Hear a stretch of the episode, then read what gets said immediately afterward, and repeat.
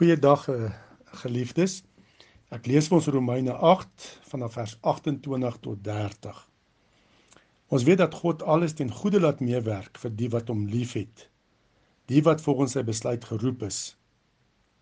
Die wat hy lank tevore verkies het, het hy ook bestem om gelykvormig te wees aan die beeld van sy seun, sodat sy seun baie broers kan hê van wie hy die eerste is. Die wat hy daartoe bestem het, het hy ook geroep en die wat hy geroep het, het hy ook vrygespreek. En die wat hy vrygespreek het, het hy ook verheerlik. Ja, tydens my verlof het ek baie nagedink en gebid oor waar lê my veiligheid en sekuriteit in hierdie vinnige veranderde wêreld weens COVID-19. In hierdie nuwe normaal wat ons onsself nie kon indink sou gebeur het 'n jaar terug hierdie tyd nie.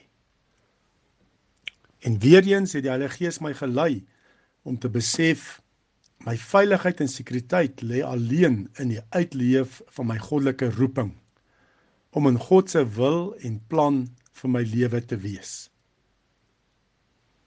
Maar ons sien ook baie duidelik as ons in die Bybel lees en ons vat ehm um, Bybelse figure soos byvoorbeeld die geskiedenis van Josef sien ons baie duidelik dat uh, jy jou hoop nie op gunstige omstandighede en mense kan plaas as dit gaan oor jou roeping nie. Josef het deur sy drome die roeping ontvang om te regeer. Maar voordat hy die onderkoning van Egipte geword het, het van sy eie broers wat hom uit jaloesie eers wou doodmaak, later verkoop as 'n slaaf aan die Midianitiese handelaars. En dan is dit nou weer Potifar se vrou wat hom vals beskuldig dat hy by haar aanlê. Dan is dit weer Farao se skinker wat Josef vergeet nadat hy in sy amp herstel is.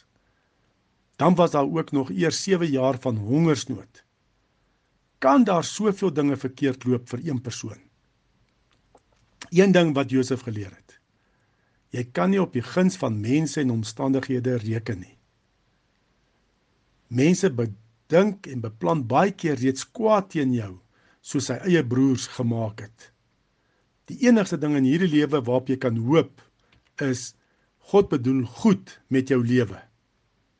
Want hy sê aan die einde van Genesis Genesis 50 vers 20 sê hy vir sy broers: "Julle wou my kwaad aandoen, maar God wou met daarmee goed doen.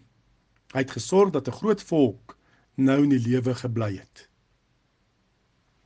Paulus beklem dieselfde feit in Romeine 8 vers 28 as hy skryf: Ons weet dat God alles ten goeie laat meewerk vir die wat hom liefhet, die wat volgens sy besluit geroep is. En dan sien ons dat ons hoop lê eerstens in karakterontwikkeling en nie in gunstige omstandighede nie.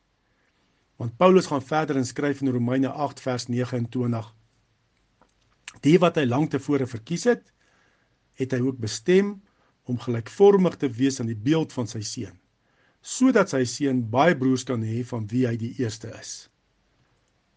God gebruik alle omstandighede om ons te vorm sodat hy nog groter dinge in en deur ons kan doen in hierdie wêreld. So is Josef as slaaf verkoop deur sy eie broers en in die tronk gegooi voordat hy die onderkoning van Egipte geword het. Josef het deur al hierdie beproewings gegaan. Nie omdat hy gesondig het of iets verkeerd gedoen het nie, maar omdat hy so 'n geweldige groot roeping gehad het. Hy het die roeping gehad om 'n hele nasie te red en te voorsien in hulle behoeftes. God het Josef vir 'n tydperk van 13 jaar voorberei deur gebroke drome en vernederende omstandighede, 'n lewe in die tronk, sodat geen greintjie hoogmoed of eie willigheid meer by hom te vind was nie. God kon nie ja, God kon dit nie bekostig dat 'n 30-jarige jong man vol arrogansie en hoogmoed 'n hele nasie beheer en bestuur nie. Al hierdie swaar kry en beproewings het sy karakter gevorm dat Josef nie net alleen sy broers vergewe het op die einde nie, maar hulle ook verseker dat hy vir hulle en hulle kinders sal sorg. Hy demonstreer God se genade in Christus hoe God ons genadig aanvaar terwyl ons dit glad nie verdien nie. Met so 'n karakter kan God Josef vertrou om die onderkoning van Egipte te word en sy verbondsvolk te red van 'n hongersnood. Hoop wat gefestig is op gunstige omstandighede sal jou baie keer teleurstel. Maar wanneer ons hoop gefestig is op die liefde van God in Christus en karakterontwikkeling, dan sal ons nooit teleurgestel word nie. En ons lees in Romeine 8 vers 29 tot 30 dat daar basies 5 fases is om by jou goddelike bestemming of jou goddelike roeping uit te kom. En as dit die Here se wil is, wil ek in die toekoms stil staan by elke fase om by jou goddelike roeping en bestemming uit te kom. Kom ons bid saam. Dankie Here dat U 'n plan en doel met ons lewens het en dat ons bestaan deur U beplan is. Ons bestaan is sinvol want U het ons beplan. Dankie ook Here dat ons veiligheid en sekuriteit kan vind in U wil en plan met ons lewens. En ons vra Heilige Gees, lei ons en openbaar aan ons U roeping op ons lewens. En ons vra dit in Jesus se kosbare naam. Amen.